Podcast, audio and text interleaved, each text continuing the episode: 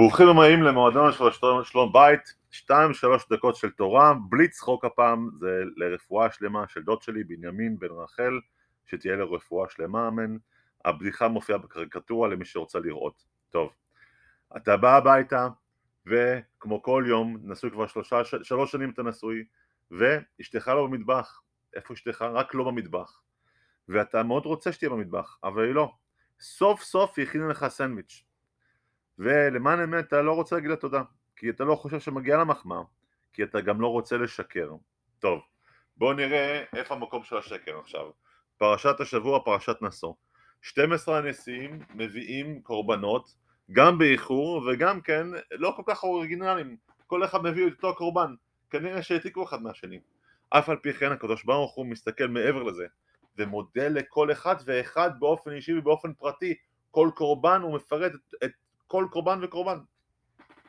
טוב, יש לך ציפיות מסוימות מאשתך שהיא לא ממלאת, וזה עוצר לך המון עוגמת נפש וצער, והסנדוויץ' הקטן הזה שהכינה לך אתמול נראה מאוד מאוד קטן ונראה גם לא טעים כי יש לך המון המון צער ועוגמת נפש. אז אפילו דברים קטנים שהיא עושה הם, הם, הם, הם נאבדים בים של הצער הזה ומועקה. טוב, בוא נראה. יש לך ילד בן שנה, והוא עכשיו התחיל ללכת, צעד קטן הוא עשה, ואתה אומר לעצמך, וואו, סופרמן, צעד גדול לאנושות. יותר מאוחר הילד מתחיל לדבר, הוא רק אומר איזה מילה, וואו וואו תראי גאון, הוא מדבר! יותר מאוחר הוא מתחיל לנסוע על אופניים, הוא עם שלוש עם גלגלי עזר, ואתה אומר וואו שיגעון, אתה ממש את, יש לך כישרון לא יאומן, ממש כמוני.